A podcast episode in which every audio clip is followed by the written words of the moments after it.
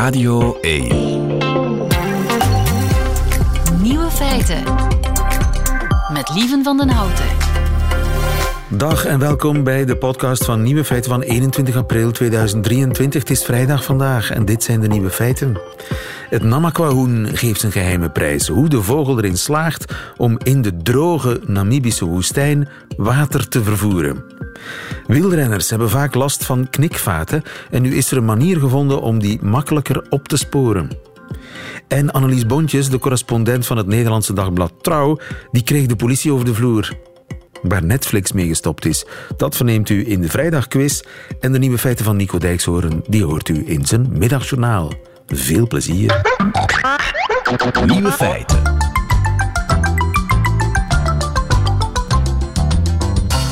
Het geheim van het Namakwa zandhoen is ontdekt. Dirk van Dijk, goedemiddag. Goedemiddag, lieven. Professor natuurkunde aan de Universiteit van Antwerpen. Het Namakwa zandhoen. U bent geen bioloog, maar daarom vertel ik het zelf maar. Uh, woont voornamelijk in Namibië. Meer bepaald in Namaland. Dat is een, een heel dor gebied waar nauwelijks water is. Maar daar heeft dat hoen wat op gevonden. Er zit namelijk een soort van spons in zijn buik. Ja, dat is juist. Dit is de buikveertjes die gedragen zich anders dan bij de meeste vogels. Bij de meeste vogels dienen de pluimen om het water af te schermen. Hè. De, dus het water loopt van de, de rug van een gans bijvoorbeeld of van een eend. Maar hier is het omgekeerd. Hè. Die, die eh, buikveertjes eh, die dienen net om water op te nemen. En wat doet hij met dat water? Wel, eigenlijk, je hebt net al een stukje gezegd, hè, ze, ze houden hun nest, uh, laten we zeggen, op plaatsen waar er weinig water is. Ook op de grond. Ze proberen uiteraard uh, predatoren, hè, vijanden te vermijden. Maar daardoor moeten ze zich verder verplaatsen om water te vinden. Tussen de 10 en de 30 kilometer. Dus dat is een half uur vliegen voor die vogels.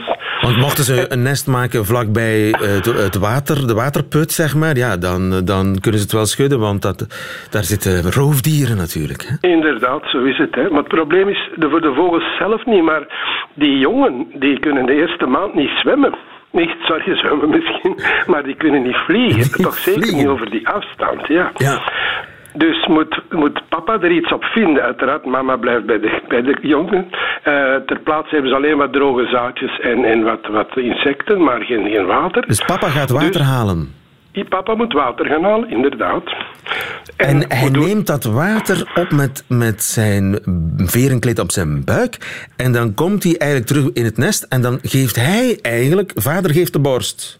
Inderdaad, en die, die kleintjes die, die, die zuigen eraan zoals aan een borst, maar dan met hun bekjes in, in dat plonzag, in dat plonzachtig eh, buikweefsel, eh, buik, buikveertjes. En daar kunnen ze het water uitzuigen. En nu hebben collega's van u in de Verenigde Staten ontdekt hoe die spons werkt. Want we wisten natuurlijk al heel lang dat dat, dat systeem bestond. Maar hoe dat nu precies technisch in elkaar zit, dat wisten we eigenlijk nog niet. Nee, eh, pas op, men wist al ongeveer 100 jaar. Men had enkele van die vogels in gevangenschap en men zag dat ze dat deden, maar wist niet hoe dat, dat kon. En uiteraard, zoals dikwijls, eh, begint de nieuwsgierigheid dan belangrijk te worden. En je zegt wetenschappers, dat zijn niet de minste, dat zijn er van MIT, dus in, in, in Boston, in Harvard, en, en ook van Johns Hopkins, dus eh, een van de belangrijkste medische centra ook. En waar dus ook eh, uiteraard biologen werken, maar ook wetenschappers zoals in MIT, die ook geïnteresseerd zijn in eigenschappen van materialen. Dus als je zo'n soort, eh, de, de, laten we zeggen, buikveersysteem zou kunnen ontwikkelen, dan kon je daar interessante dingen mee doen. Maar dan moet je het eerst begrijpen wat er eigenlijk gebeurt. En dat hebben ze nu gedaan. Hoe hebben ze dat Ja. Wel, dat is eh, toptechnologie bij elkaar hoor. De- ze hebben ten eerste gevorderde microscopie gebruikt met beeldverwerking. Ze hebben ook eh, vi- videocamera's, hè, dus die in real-time kunnen. Ze hebben ook eh, scanning elektronenmicroscoop, maar ook, eh, ook CT-scanners. Micro-CT-scanners. En merkwaardig, mag ik eventjes zeggen, het toestel dat ze gebruikt hebben is een Skyscan die ontwikkeld is in Contig, hier eh, in de buurt. Hè, Antwerpen. Gefeliciteerd, Dus dat is een Vlaams toestel, ja, absoluut. Dus Vlaamse zeggen- technologie technologie is ervoor gebruikt. Kijk, Ja, zo zit de wereld in elkaar ja. tegenwoordig. Ja, maar dat is omdat ze driedimensionaal willen kijken. Het is niet genoeg van dat bijvoorbeeld eh, het plat te maken en te verdunnen in een microscoop te steken. Je moet ook kijken wat er gebeurt als die veertjes water opnemen. Nu, Het probleem is, dit is de enige vogel die dat, in heel de wereld die dat doet. Hè. Dat is dan die Afrikaans, ja, die, dus die, die, die zand, eh, het zandhoen. Er is ook een zandhoen in, eh, in Tibet en dat doet het niet. En dat is omdat dat in steppengras, waar waarschijnlijk wel water te vinden is. Dus die, kunnen dat niet. Dus dat is heel lokaal, omwille van de noodzaak. Hè. De natuur heeft zich daar aangepast aan de noodzaak. En wat blijkt nu uit dat hoogtechnologisch onderzoek? Ja, eh, wel het volgende. Eh, ze zijn gaan kijken naar de microscopische structuur. En die donsveertjes die vertrekken met, met een schacht. hè. En dus gelijk een stengel. En daarop zitten dus gespiraleerd een spiraal van, van, laten we zeggen, beginnende vezels. Maar die zitten dus in spiraalvorm om die schacht, heel erg vast. En de, de uiteindes zijn allemaal zeer lang en recht. Dus maar zodra dat die nat wordt, dan ont, ont, ontkromt zich die spiraal en al die vezeltjes worden recht tot op het einde. En dan krijg je een soort van badmintonpluimpje. Hè? Dus met, hè, zoals een waaier die openwaait. Maar die lange uiteinden zijn allemaal zeer lange eh, ronde kanaaltjes. Hè? Ronde buisjes. Bu- holle buisjes eigenlijk. Ja, holle- ja maar, maar van binnenin zijn de, Poreuze gebeurt daar niks. Nee. Maar tussen de buisjes liggen zo dicht bij elkaar dat die een soort haarvaatjes vormen, een soort wat in de, in de fysica noemt capillairen. En die zuigen water op. hè. Net zoals het sap van een boom, hè, eh, dat klimt omhoog tegen de zwaartekracht in, omdat er heel dunne kanaaltjes zijn en dat, dat vloeistoffen trekken zich vanzelf op door de capillariteit. Dus hier gebeurt dat. Zodra dat men het uiteinde van, van heel dat, eh, van heel dat eh, pluimpje, zal ik maar zeggen, van dat, van dat eh, in het water zet, dan zie je dat opzuigen en dat zwelt ook. Dat, zwel- dat komt volledig vol water, maar dat water zit altijd tussen die buisjes. Dat kruipt tussen die buisjes, die afstand wordt groter, dus het geheel zwelt op. En, en, krult het dan weer terug, zo, want het zat Ja, eerst gekruld. absoluut. De, dus aan de stam is het hard, het weefsel, dus dat is niet, niet soepel. Maar de uiteinden zijn er heel zacht.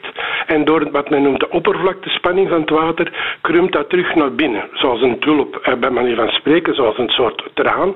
En daardoor vormt er zich een soort bel waarmee het water bewaard wordt. Want als de vogel vliegt, hè, die moet dan t- 20 kilometer vliegen, mag je hem ook niet te veel water verliezen. Dus het, het, de uiteinden krullen terug naar binnen, dus je krijgt een soort van traanvorm, waar de buitenkant, hè, de, de, de, de, de weefsel aan de buitenkant dat water heeft opgeslorpt, en het geheel wordt afgeschermd om het niet terug te verliezen. Pas op, hij verliest wel de helft van het water op zo'n lange vlucht, maar toch, er blijft toch de helft over voor de jongen. En is Dus dat, is- eh, druipt dat er gewoon uit, de helft?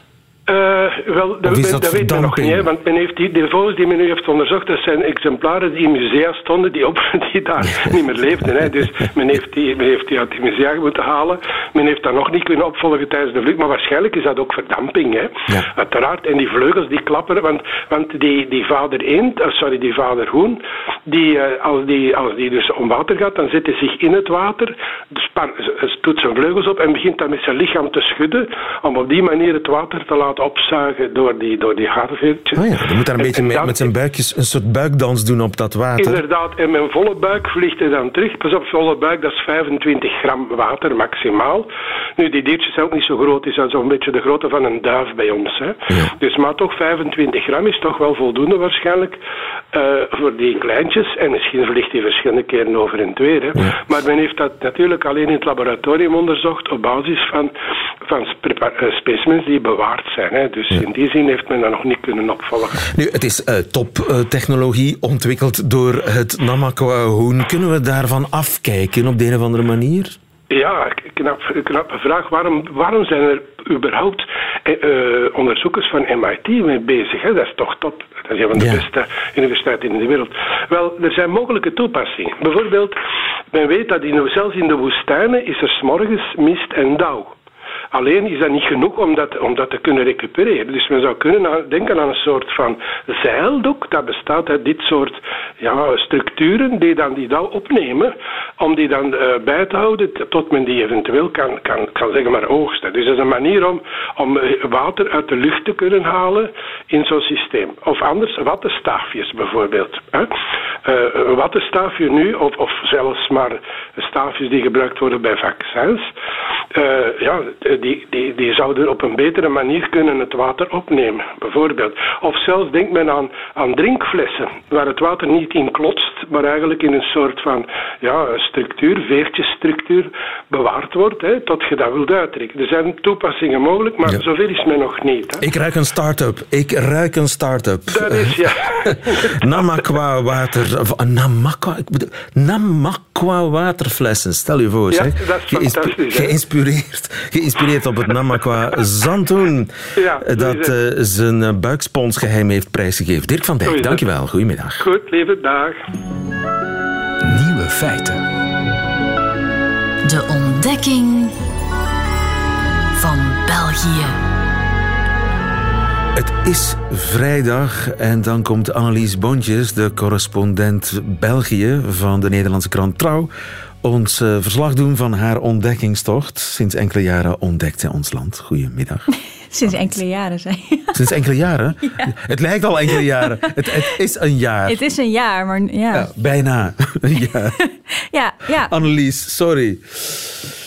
Wat heb je deze week ontdekt? Nou, wat ik deze week heb ontdekt, eh, ik heb toch wat meegemaakt? Dat geloof je nooit. Ik werd gewoon van mijn bed gelicht deze week. Nee. Ja, dat was echt... Wat? Politie aan de deur. Politie aan de deur, ja. Echt? Ja, maar ik lag nog te slapen, want het was heel vroeg in de ochtend en eh, werd, ge- aan werd geklopt. En eh, mijn huisgenoot deed open, ik lag nog in bed. Nou ja, binnen drie stappen eh, stond die agent midden in onze woonkamer en eh, liep zo door naar de slaapkamer. En ik had nog niet eens maar normaal aangekleed en eh, ja, dat was heel heftig. Wat is er in godsnaam gebeurd? Ja, nou, ik ben verhuisd eh, naar een nieuwe gemeente. En dan moet je je inschrijven. En dan hoort daar blijkbaar bij dat de wijkagent even bij jou thuis komt kijken. Of je daar wel echt woont. Natuurlijk. Ja, onaangekondigd. Eh, en nou ja, met veel geweld kwam je zo binnen. Ik, Geweld? Nou ja, Klop, hij klopte toch? ja, hij klopt het toch inderdaad. Maar ja, binnen drie seconden stond hij binnen. Een paspoort en geven. En heel, eh, ja, ja, heel imposant was dat allemaal. En Heeft hij kastdeuren opengetrokken om te zien? ik heb gehoord dat dat soms gebeurt. Nee, daar ben ik gelukkig nog van. eh, Dat eh, gebeurt bij mensen waarvan gedacht wordt dat ze misschien niet echt wonen. Dat het een soort fake adres Dat is niet normaal. Bij een vriend van mij werden de tandenborstels gecontroleerd. En hij woont alleen, maar er stonden er twee. Dus ja, waar was die tweede tandenborstel dan van? Nou, hij zei, ja, die is van mijn vriendin, die slaapt hier af en toe. Nou, toen mocht En dat werd genoteerd. Ja, dat werd genoteerd. Nou, dat is toch echt heftig, die controle. Niet normaal, ja. Eh, Maar dus in Nederland is daar geen sprake van. In Nederland is daar geen sprake van. Nee, je schrijft je- je gewoon online in bij de gemeente waar je dan woont. En Klaar. eh, that's it, ja. En eh, men gelooft dat. En daar is niet zoiets als ja, domiciliefraude of zo. Of dat ja, wel. Kijk, als mensen een uitkering krijgen, eh, dan wordt er wel gecontroleerd. Maar dat is niet de standaardprocedure bij iedereen. En zeker niet dat die agent dan door je kledingkast gaat of door de badkamer loopt of zo. Een heel rondje door je eigen huis maakt. Ik vind het nogal een inbreuk eigenlijk op je privacy. Dat voelde heel raar. Dat dat, zo voelde dat. Ja, hij keek zo eventjes naar de tuin. Oh, mooie tuin heb je hierachter. Dat toch interessant en zo. Ja, ik weet niet. Het gaf me echt een heel naar gevoel. Ja. Volgens mij is soms de bedoeling dat je er een heel goed gevoel aan overhoudt. Dat, dat, dat je een soort kennis maakt met de, de wijkagent. En dat je dus ook een directe lijn hebt als er een probleem is. Ja, maar het was wel leuk geweest als hij gewoon een keer op de koffie kwam. Maar dan maak je toch gewoon een afspraak. En dan eh, had ik eclairs gehaald bijvoorbeeld. Maar ja, zo, zo 's ochtends... Eclairs. Goed, Goed, hè? Ja. Eclairs. Maar zo 's ochtends vroeg dat je zo wordt overvallen. Ja, ja ik vind het toch wel gek. Ja. Namens België onze excuses. Oh, nou, maar er was geen probleem. Ik bedoel, voor de rest eh, is, is het goed afgelopen. Eh, ik bedoel, denk het, ja. ja. ik heb er niks meer van gehoord. bent er nog een beetje beduust van. ja, nog steeds. Ja, ja. Oké, en nog iets ontdekt? Ja, ehm, nou ja, ook, ik heb ook nog iets leukers ontdekt misschien. Ja, ik heb een nieuwe traditie gevonden, een nieuwe Belgische traditie eh, waar ik ontzettend van hou. Ja, de Peter en de Meter. Ja. Ja, nou, dat hebben wij niet in Nederland. De. Peter, de Peter en de meter. Nee. Dus een kindje heeft geen Peter en geen Nee, meter. dus als je hier een kindje krijgt, dan krijgt hij een Peter en een meter toegewezen. En dan nou ja, ik had dus vrienden die hadden daar wel eens over verteld. En toen, In, in het Engels heb je toch godmother of godfather? Dat, dat is toch Ja. niet zo specifiek Belgisch? nou, wel dus, zeg maar, ik bedoel, ik heb ook wel een voogd. Dat stel, eh, zeker als je jong bent, is dat natuurlijk belangrijk. Als mijn ouders overleden, dan wie eh, het voogdij over mij zou krijgen. dat Maar is het iets niet- juridisch. Maar dit, Precies. dit is iets emotioneels. Ja, dit is iets... niet zo dat je dan eh, op alle verjaardagen extra cadeautjes van iemand krijgt. En dat je blijkbaar door je Peter wordt meegenomen naar de dierentuin. Dat En hangt van de Peter af hoor. Niet alle echt Peters leuk. doen dat. ik heb een vriend en die is dus Peter. En die heeft eh, op de achtergrond van zijn telefoon zelfs een foto van zijn Peterkindje staan. En die gaat er om het weekend naartoe. En dan gaat hij daar koekjes mee bakken en zo. En eh, ja, die, die neemt dat heel serieus, die verantwoordelijkheid. En ik heb dus ook gehoord dat er een hele speciale nieuwjaarstraditie aan hangt. Inderdaad, ja. Ja, dus dan gaan de kindjes op school eh, en hoe noem je dat? Een nieuwjaarsgedicht, tekst, verhaal. Nieuwjaarsbrief. Nieuwjaarsbrief schrijven, ja. Met allemaal mooie woorden voor de Peter, voor de meter. En dan, Mijn allereerste opname ooit van Ja. mij gemaakt is... Ik zelf ben Ja. vier jaar oud en ik lees mijn nieuwjaarsbrief voor. voor je Die, die Peter opname bestaat overigens. Of- En die nee, gaan we nu laten horen? Nee, Ah, nee, nee, daar gaan we niet naar luisteren. Dat is dat niet als brief voor mijn ouders. Want die heb je voor je ouders. Oh, maar ja. ook, ja, ja, dat is een hele, hele reeks brieven hè, die je dan moet voorlezen. Ja? Ja, ja. Waarna applaus. En dan krijg je dus ook nog geld. Ja. Ja, ja, ja, ja, ja. ja. Ja? ja? Dan krijg je geld, inderdaad. Ja? Ik had zo'n grootmoeder, die had 99 eh, achterkleinkinderen, waarvan er heel... of kleinkinderen, whatever. En die, die, die heeft wat afbetaald. ja, dat geloof ik, ja. Ja. Nou ja, een superleuke traditie, ja. Ja. Ik, eh, ja, Dat is, het niet. dat is Belgisch. Wij vinden dat heel normaal. Dus in Nederland, als je geboren wordt, heb je dan niet een soort doopsel? Eh, nou, je kan gedoopt worden als je gelovig bent, maar dat, Ja. dat, dat doet niet iedereen. Maar als je dan gedoopt wordt, heb je dan geen... Want dat hoort bij dat doopsel namelijk. ja, ja, ja. ja Dan, dan maar, krijg je een meter en een Peter Ja, aangewezen. maar dat- Of twee Peters heb ik ook al. Ik ben Peter van, van, van ja, mijn neefje. ja. En maar het is ook zo leuk twee dat je- Peters, dat, dat, dat kan ook. Dat kan ook nog. ja, ja, ja, Dat is wel leuk. Pastoor vond het raar, maar... Echt? Oh.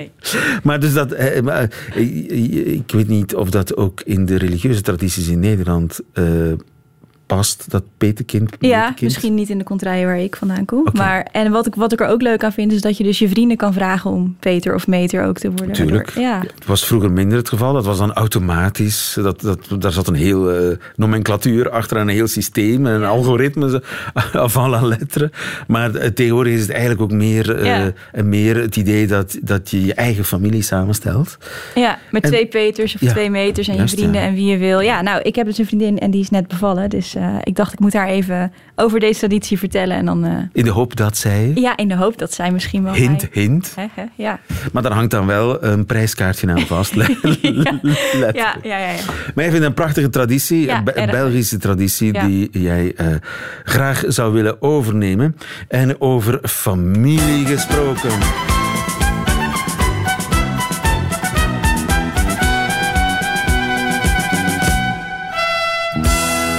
Examen Vlaams.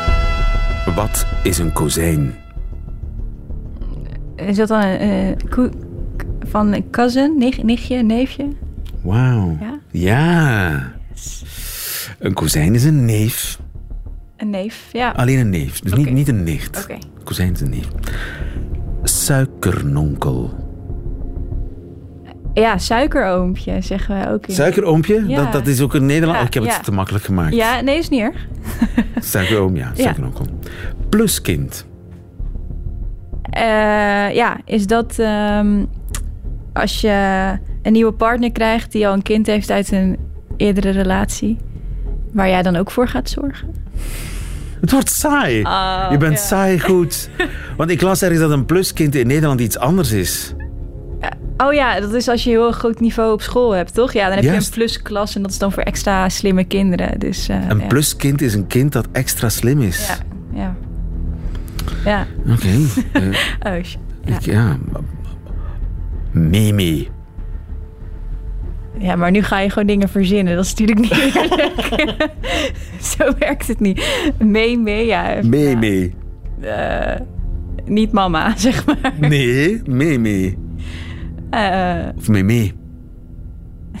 Dun mee. Eh, Nee, niet, nee, nee, nee, niet dun Mimi. Nee, nee, dat leg ik je later wel eens uit wanneer die N erbij komt. oh shit, oké, nee, ik heb er geen idee. Ja.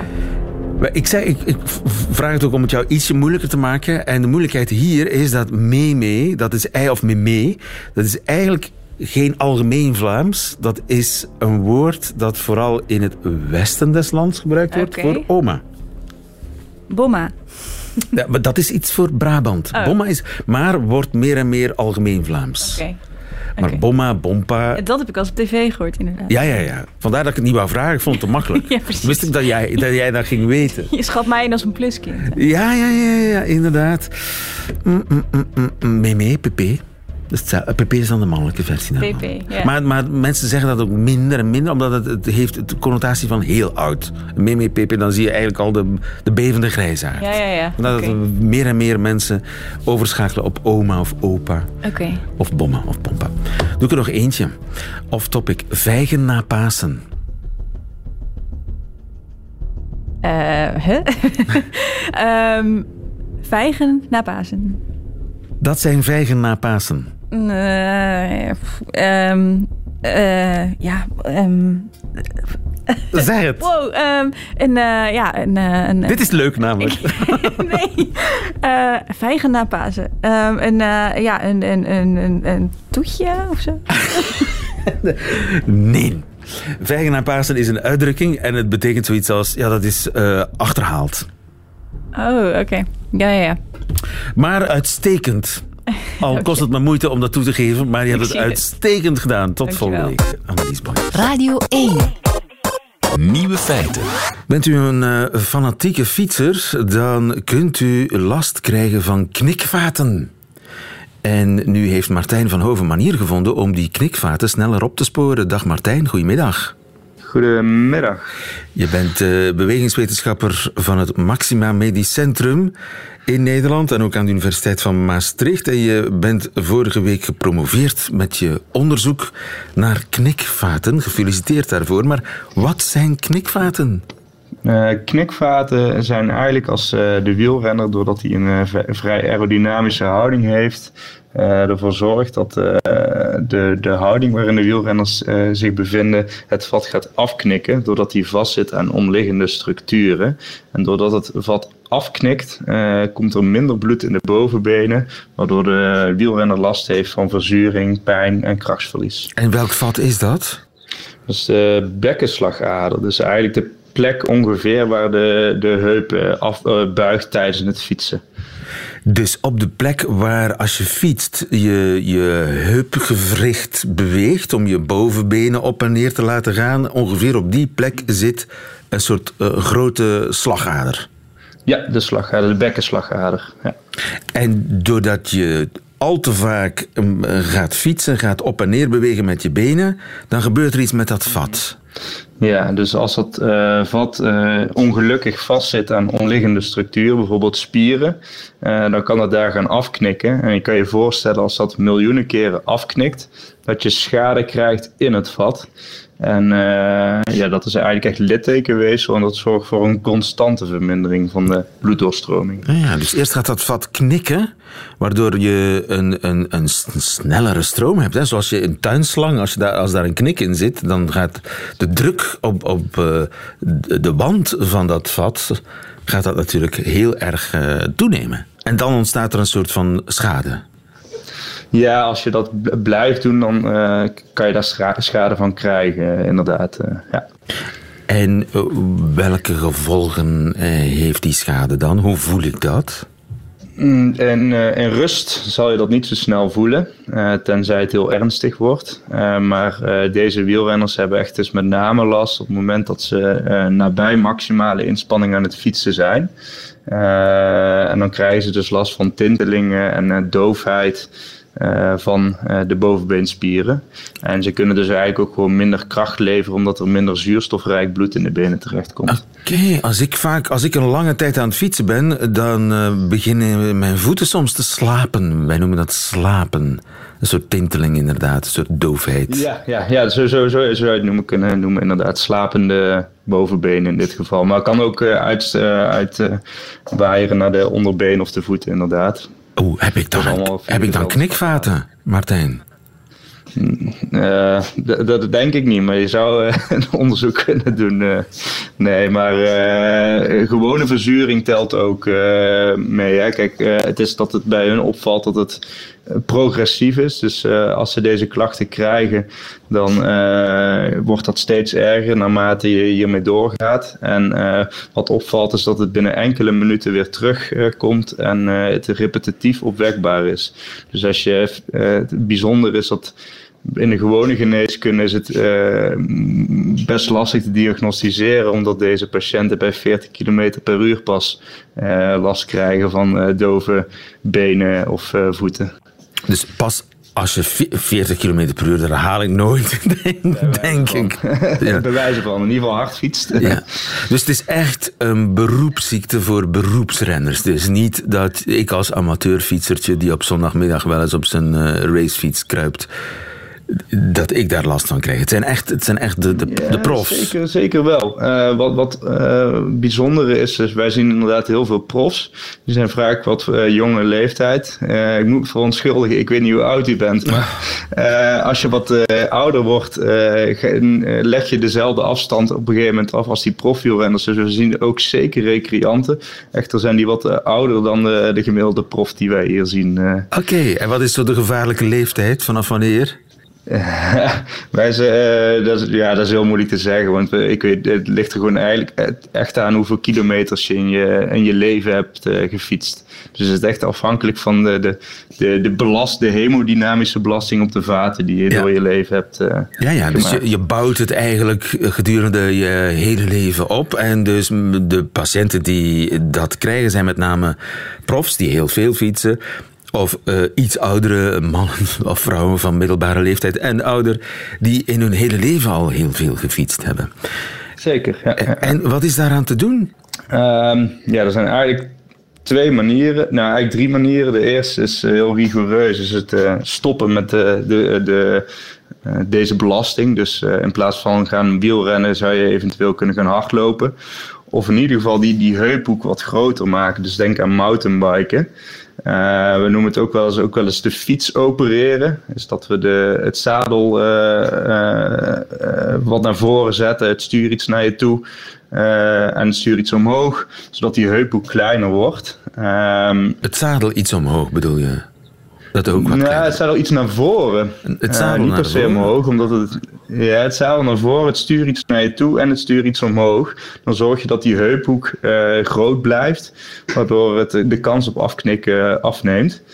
Uh, en de derde optie is juist echt opereren. En dat doen we eigenlijk alleen maar op het moment dat het ja, iemand zijn beroep is. Of als het een, uh, een, recreant is wat zijn lust en leven is. En ja. de, de conservatieve behandeling niet aanslaat. Dus dat is een niet-operatieve behandeling. Ja, en opereren dat is dan echt die ader gaan herstellen. Dus dat is, is vrij ingrijpend. Ja, ja, ja. Maar wat jij eigenlijk gedaan hebt, is het makkelijker opspoorbaar maken. Want de diagnosestelling, dat was eigenlijk het grootste probleem tot nu toe. Ja, dus de, de diagnose die is uh, vrij complex. Uh, omdat de, de, de apparatuur die gebruikt wordt voor uh, vaatverkalking, uh, die, die werkt niet in deze groep van patiënten. en echo, oftewel beeldvorming, is vrij duur en heeft ook een grote leercurve. Wat ik heb gedaan is gekeken naar een fietstest, waarbij ik met een apparaatje de zuurstof meet in de spieren. Uh, en de pedaalkracht. Dus de kracht die de patiënt levert op het linker en het rechterpedaal. En door die te combineren uh, is het uh, eenvoudiger om de diagnose te kunnen stellen voor de specialist of de, de coach of de wielrenner zelf misschien wel. Ja. ja, en is dat al toepasbaar in de meeste ziekenhuizen of moeten we daarop nog een beetje wachten? Mm, last, dat maakt het altijd wel heel erg lastig. De apparatuur uh, uh, is, is, sinds kort vaak ook wat commerciëler verkrijgbaar. Dus het wordt allemaal wel goedkoper. Dus het zou zelfs binnen de, de wielrenner zelf een, idee zijn om uh, te kunnen kijken naar zuurstofvoorziening in de spieren. En ook voor wielerploegen. Uh, ja. Voor medische doeleinden is het vaak wat lastig, omdat je dan allemaal medische certificaten nodig hebt voor de apparatuur. Dus ja, zo makkelijk is het nog niet, maar daar zijn we wel mee bezig om dat allemaal te verkrijgen. Ja, maar er moeten ziekenhuizen te vinden zijn die die test kunnen, kunnen maken. Ja, maar er zijn best wel wat ziekenhuizen, met name universitaire ziekenhuizen, die deze apparatuur hebben. Uh, ik denk zelfs ook wel een aantal in België. Uh, en daar zouden ze dus ook onderzoek naar kunnen doen om uh, het voor hun toepasbaar te kunnen maken. Ja, om te kijken of ik geen knikvaten heb. gefeliciteerd nogmaals met je onderzoek, Martijn. En dank voor dit gesprek. Martijn van Hoof, goedemiddag. Yes, goedendag.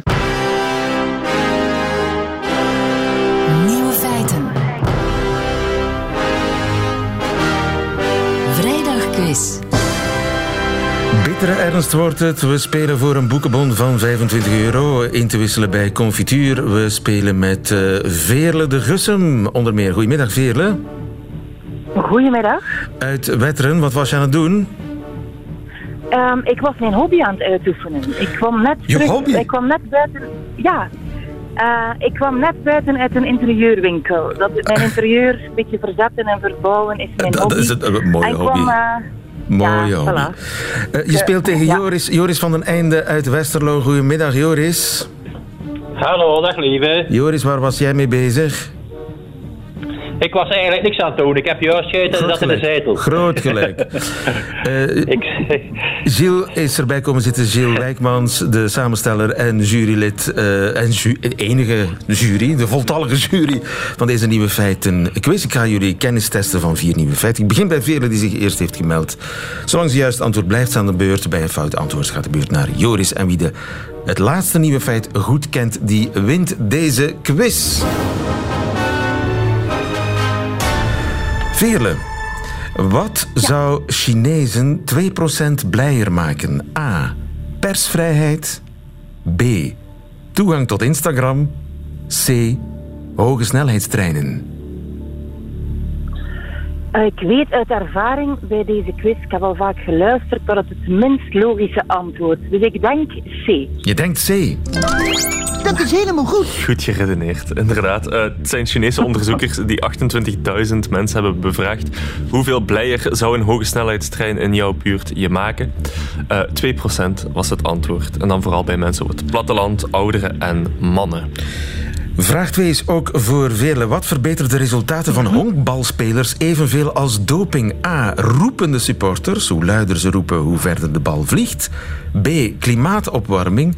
C. De overgang naar zomeruur. Uh, dat is al iets moeilijker. Hoor. Uh, ik ga toch voor B. Je gaat voor B. Dat is helemaal goed. Maar, Inderdaad. Ongelooflijk. De onderzoekers hebben 100.000 honkbalwedstrijden geanalyseerd en dan gekeken hoe, wat het weer was op die dagen. En de dagen waarop het warmer was, werden ballen verder geslagen. Want hoe warmer het is, hoe kleiner de lichtdichtheid, de luchtdichtheid, sorry. En hoe verder een bal kan vliegen. Wauw. Vele, geweldig bezig. Je moet niet laten zakken naar Joris.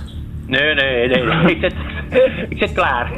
Vraag 3. Wanneer luistert je hond het best naar je bevelen? A. Wanneer die hond kordaat... Wanneer je die bevelen, liever, kordaat en streng proclameert. B. Wanneer je ze uitbeeldt, zonder te spreken. C. Wanneer je het lief vraagt. Wanneer luistert een hond het best? Veerle. Um, daar heb ik jammer genoeg geen ervaring mee, maar ik denk antwoord C. Ik denk antwoord C. Dat is helemaal goed. Niet wow. geloven. Ja, absoluut. Lief vragen helpt. Ja, inderdaad. Honden reageren blijkbaar beter wanneer je gewoon de bevelen lief zegt. En uh, niet wanneer je ze heel kordaat en streng zegt. Uh, want dan voelen honden zich minder ontspannen en zijn ze minder geneigd om je bevelen op te volgen. Wow. Cruciale vraag. Vraag 4. Veerle. Wa waar is Netflix mee gestopt? A. Hun jaarlijkse awardshow, de Golden Flix. B. Het verhuren van dvd's. C. Hun maandelijkse filmmagazine. Waar zijn ze mee gestopt? Uh, verhuren, dat wist ik eigenlijk niet dat ze dat deden, dus dat denk ik niet. Um, die shows misschien. A. Fout! Joris, Joris, grijp je kans, ja. grijp je kans. Ik denk C. Oh.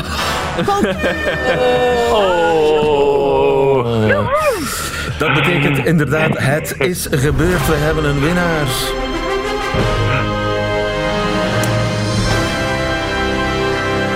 Veerle de Gussum, ze zijn gestopt met het verhuren van dvd's. Je wist het niet, maar je hebt toch gewonnen. Dus ze deden Ja, dat, Ja. verhuren van dvd's. Sinds 1997. En wat je kon doen was naar de website gaan van Netflix, een paar films aanklikken en dan kreeg je er de dvd van opgestuurd. dat is eigenlijk de roots van Dat is de Netflix. roots van Netflix, maar ze zeggen dat minder mensen nu dvd's huren. Ja, moet niet verbazen. Ja. In 97, ooit begonnen als een verhuurbedrijf voor dvd's. Weet je al welk boek je gaat kopen, Veerle, voor je 25 Ah, euro? wel, ehm, ja, mijn man had mij eigenlijk al een tip gegeven. Aha. Een nieuw boek van Pfeiffer, maar dat komt pas uit uh, Ilja half mei. Leonard Pfeiffer. Het nieuwe boek, daar, Zet jij, daar wacht je nog even op om je, eh, ja, je boekenbon te spenderen. Groot gelijk. Joris van der. Einde, sorry, maar het heeft niet mogen zijn. Eh, misschien dat je Nee. de, een volgende keer eens mag eh, meedoen aan de Nieuwe Feiten Vrijdag quiz. Want volgende week is er weer eentje. Gefeliciteerd nogmaals, Veerle. Oh. En volgende week is er weer een. Nieuwe Feiten Vrijdag quiz.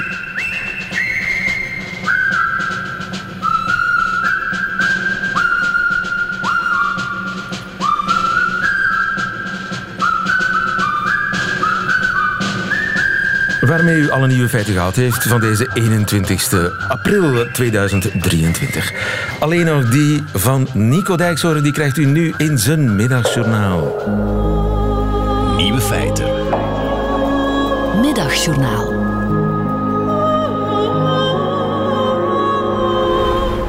Beste luisteraars, enkele weken geleden kocht ik online een nieuw dopje voor mijn fietsventiel.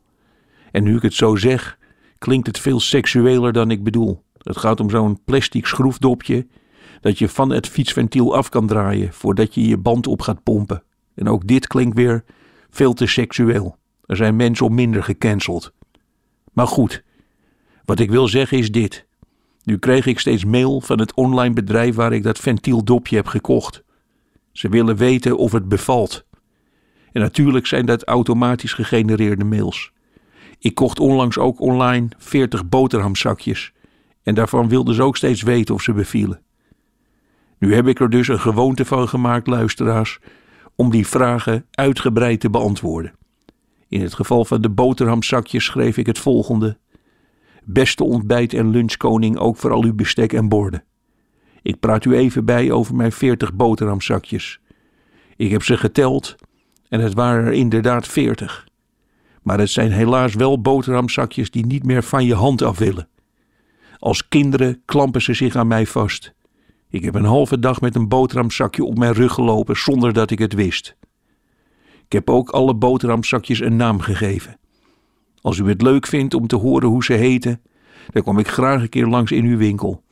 Ik vind uw boterhamzakjes zo lief dat ik er eigenlijk bijna niets in durf te doen. Etcetera, etcetera, luisteraars. En nooit krijg ik antwoord. Ik heb ook zo een mail gestuurd naar een bedrijf waar ik eau de toilet had besteld. Ik schreef ze dat ik opeens een hele andere lichaamslucht had. Naar Finse dennenbomen rook ik met een licht accent van gerookte makreel. Of ik die lucht ook nog kon ruilen voor iets dat rook naar Zweedse meren met een licht accent van rendierpis. Voor die vraag over het fietsventieldopje ben ik echt gaan zitten. Ik schreef ze beste fietsenwinkel budgetfiets uit Hongarije. In antwoord op uw vraag kan ik melden dat ik het ventieldopje nog niet op het ventiel heb gedraaid omdat hij is verpakt in hard plastic. En ik ben bang dat als ik dat plastic open ga wrikken met een mes, dat ik niet genoeg vingers overhoud om het dopje op het ventiel te draaien. Wist u trouwens dat door iedere hard plastic verpakking er ergens op aarde een pelikaan sterft? Nu is dat toch een overdreven vogel met een bek als een pedaalemmer, maar daar gaat het nu even niet om. Etcetera, etcetera, luisteraars. Het is een hobby geworden van me. Terwijl ik dit inspreek, komt er waarschijnlijk een mail binnen van het online schoenveterparadijs. Of mijn schoenveters bevallen. En ik ga net doen alsof ik die schoenveters niet begrijp. Ik ga ze schrijven. Ik heb de veters dagen geleden naast mijn schoenen gelegd. Maar er gebeurt niets.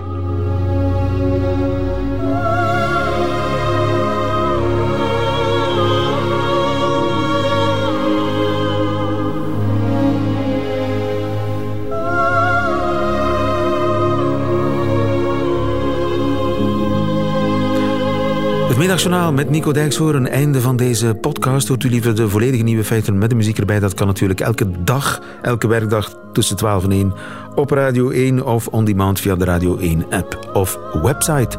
Tot een volgende keer.